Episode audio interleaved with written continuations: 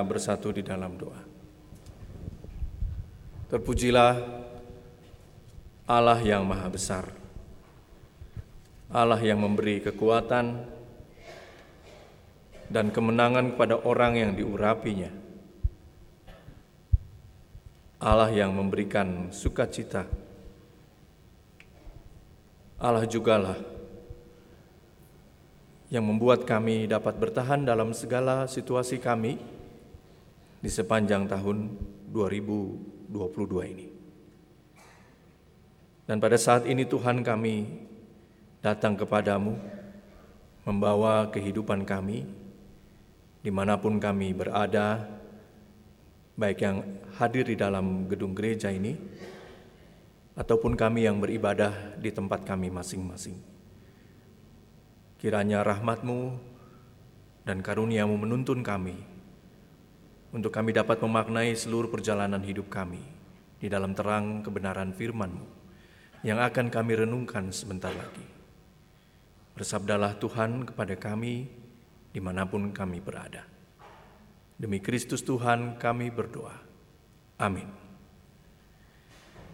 Ibu bapak dan saudara yang dikasihi Tuhan, firman Tuhan yang akan kita renungkan bersama-sama pada sore hari ini diambil dari Injil Kristus menurut Yohanes pasal 8 ayat 12 sampai dengan 19. Yohanes 8 ayat 12 sampai dengan 19.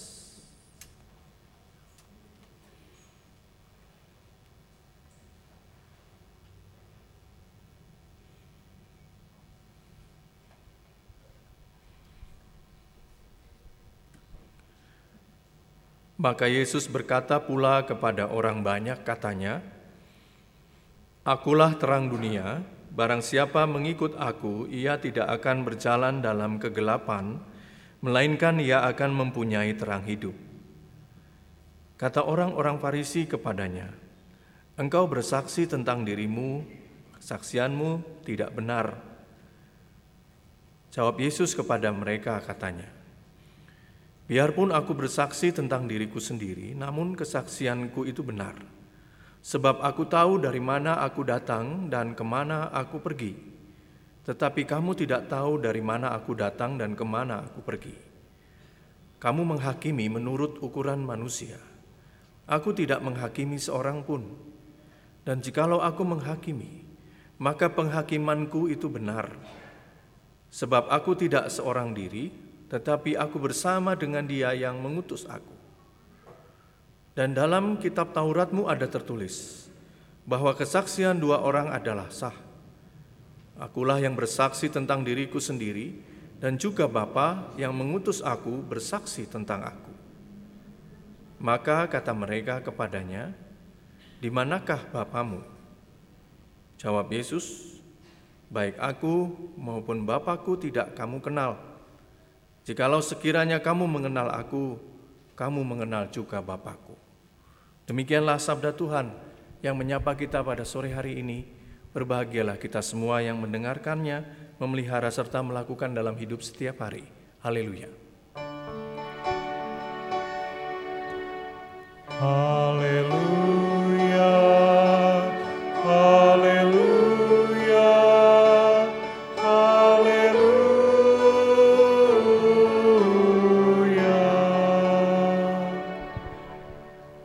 Sore Bapak Ibu dan Saudara. Shalom untuk kita semua. Shalom juga untuk Bapak Ibu dan Saudara yang beribadah di tempat masing-masing, di rumah, ataupun di mana pun Bapak Ibu dan Saudara berada. Kalau kita melihat tema kita pada sore hari ini, Bapak Ibu pasti Bapak Ibu akan dengan cepat mengingat satu merek lampu yang barangkali di rumah Bapak Ibu dan Saudara dipasang.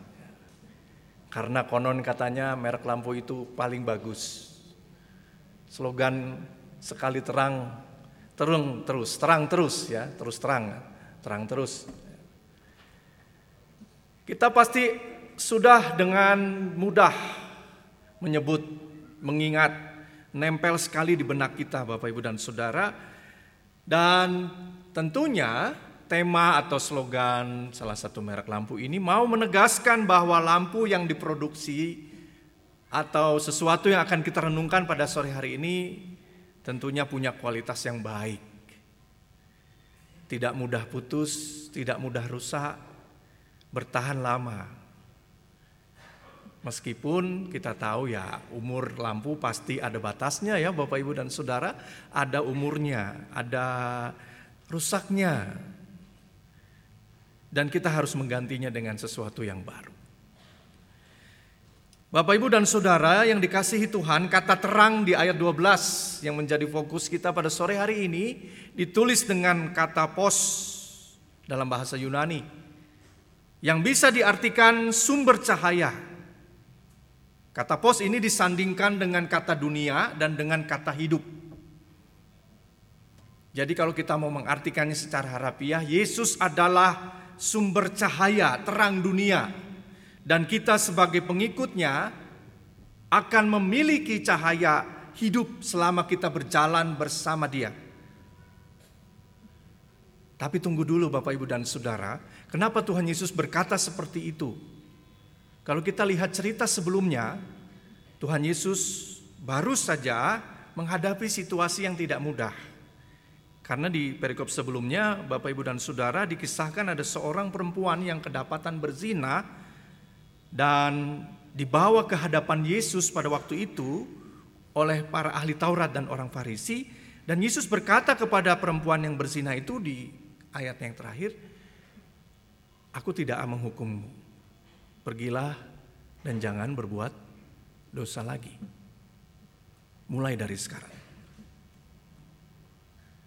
Hukum yang tadinya dipakai untuk mematikan, dibelokkan untuk mematikan seseorang, dipulihkan menjadi hukum yang menghidupkan, yang membawa kehidupan. Keberdosaan dan kematian yang kekal diganti dengan penebusan dan pemberian hidup yang kekal. Artinya apa Bapak Ibu dan Saudara yang dikasih Tuhan? Kegelapan tidak akan pernah menang melawan terang. Setelah Yesus berkata seperti itu, kita lihat respon para Farisi dan di ayat 15 dikatakan bahwa orang Farisi ini menghakimi berdasarkan cara manusia. Cara yang penuh dengan tipu daya, tipu muslihat, manipulasi, kemunafikan, itu cara manusia. Dan manusia yang benar pun akan terkurung dalam keterbatasan untuk menghakimi. Terbatas dalam hikmat, terbatas dalam pengetahuan, di dalam menjalankan hidup yang sempurna yang sesuai dengan kehendak Tuhan. Dan oleh sebab itu, yang bisa menghakimi secara benar itu hanya Tuhan Yesus. Bapak, Ibu, dan saudara yang dikasih Tuhan, pada saat itu, saat di mana hari raya Pondok Daun mau dirayakan, dan orang Israel memaknai Pondok Daun sebagai hari di mana penyertaan Tuhan diingat, janji Tuhan diingat, bahwa Tuhan akan diam bersama-sama dengan mereka. Di hari raya itulah Orang Israel juga memperingati didirikannya bait Allah. Kemudian juga setelah hari raya itu orang Israel juga merayakan hari penebusan. Jadi Bapak Ibu dan Saudara, ketika Tuhan berkata seperti itu, Tuhan mau menyampaikan bahwa hanya Allah lah yang bisa menghakimi dengan adil. Semua orang, semua bangsa akan dihakimi dengan adil. Yesus adalah penebus dan penggenapan janji Allah. Dia yang menggenapi, dialah yang seharusnya menghakimi. Tetapi kita lihat Bapak Ibu dan Saudara dalam kisah perempuan yang kedapatan berzina, Tuhan menunda penghakimannya. Dia tidak menghukum perempuan itu. Yang seharusnya bisa saja Tuhan menghukum. Apalagi sesuai dengan hari rayanya ya, Allah yang menghukum, yang menghakimi secara adil. Tapi Tuhan tidak melakukan itu Bapak Ibu dan Saudara.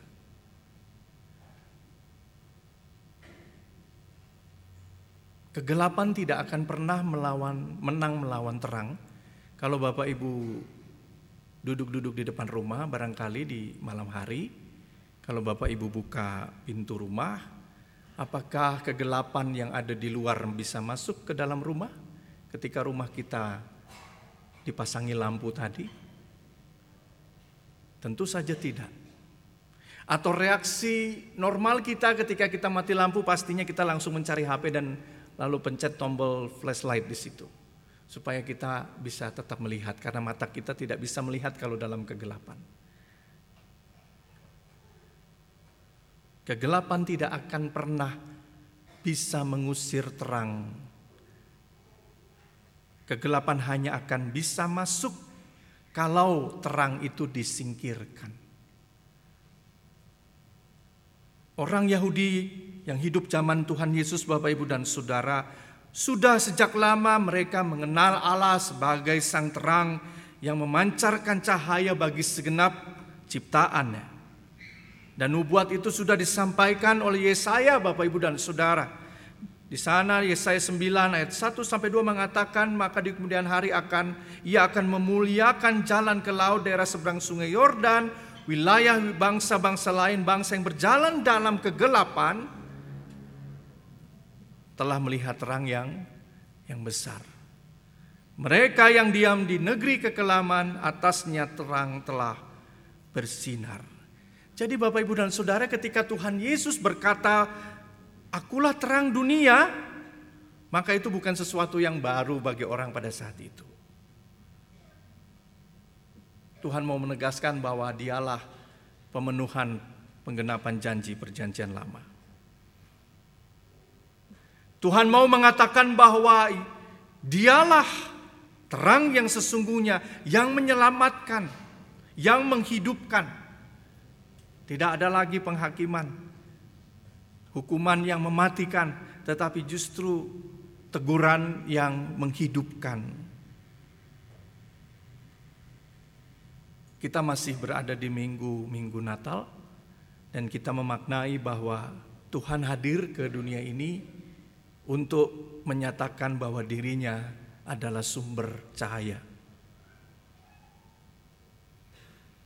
Kemudian kata hidup yang ditulis dalam kata Yunaninya Zoe Bapak Ibu dan Saudara itu artinya sebuah kehidupan yang melampaui hidup saat ini. Artinya bukan hanya kehidupan secara fisik tetapi juga kehidupan secara spiritual. Dengan kata lain Bapak Ibu dan Saudara, kehidupan dalam Kristus adalah hidup yang betul-betul ada di dalam terang. Di dalam terang segala sesuatunya kelihatan, tidak ada yang tidak kelihatan. Di dalam Kristus segala sesuatu yang gelap itu ditelanjangi. Dalam terang Kristus kita dapat melihat segala sesuatu dengan jelas dan di dalam Dia Bapak Ibu dan Saudara semua perbuatan kita tampak nyata dan tidak tersembunyi. Perbuatan terang akan memuliakan Bapa di surga.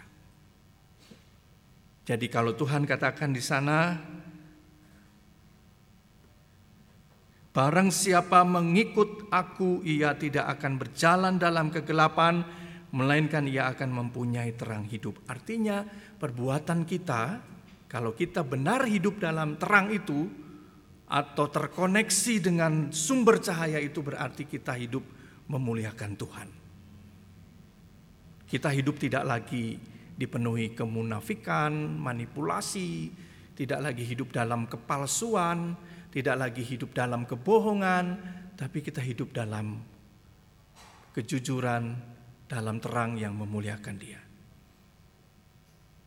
Hari ini kita berdiri di hari Terakhir di tahun 2022 Bapak Ibu dan Saudara yang terkasih, mari kita bertanya pada diri kita sendiri apakah yang sudah kita lakukan di sepanjang tahun ini. Bagaimana hidup kita? Apakah kita hidup dalam terang atau kita hidup justru dalam kegelapan. Apakah kita punya kualitas yang sama setidaknya dengan lampu tadi? Bertahan lama, punya kualitas yang bagus. Kalau 9 watt, 12 watt ya sesuai dengan terangnya, tidak dimanipulasi. Apakah kualitas hidup kita di sepanjang tahun ini sudah sama dengan kualitas iman kita? Atau belum? Apakah kita sudah memberikan dampak yang baik saya mau berdoa untuk Bapak Ibu dan semua, semoga yang terbaik, yang baik-baik datang di tahun 2023. Amin. Kita semua pengen yang baik-baik kan. Doa sama Tuhan pengen yang baik, tapi kita nggak mau berbuat baik. Itu namanya curang. Minta yang baik tapi ngasihnya yang nggak baik. Jadi kalau nanti malam Bapak Ibu dan Saudara berdoa tepat pukul 00 atau 2359 mintalah yang terbaik. Tapi jangan lupa berikan yang terbaik juga untuk Tuhan. Karena di situlah kita bisa berbeda dengan orang-orang lain yang ada di dunia ini. Tuhan tidak menghakimi, tapi dia minta sama perempuan itu jangan berbuat dosa lagi. Di situ Bapak Ibu dan Saudara yang memulihkannya itu. Yang memulihkan bukan datang dari Tuhan saja tetapi dari dalam diri kita. Ada kemauan untuk berubah, ada kemauan untuk meningkatkan kualitas hidup kita, baik secara pribadi maupun secara komunal dalam kehidupan jemaat kita. Dan hari ini ketika kita menerima anggur dan roti perjamuan, artinya kita mau berkomitmen. Kita menutup tahun 2022 dengan ucap syukur, sekaligus kita berkomitmen untuk punya kualitas hidup di dalam terang. Amin. Mari kita bersatu teduh.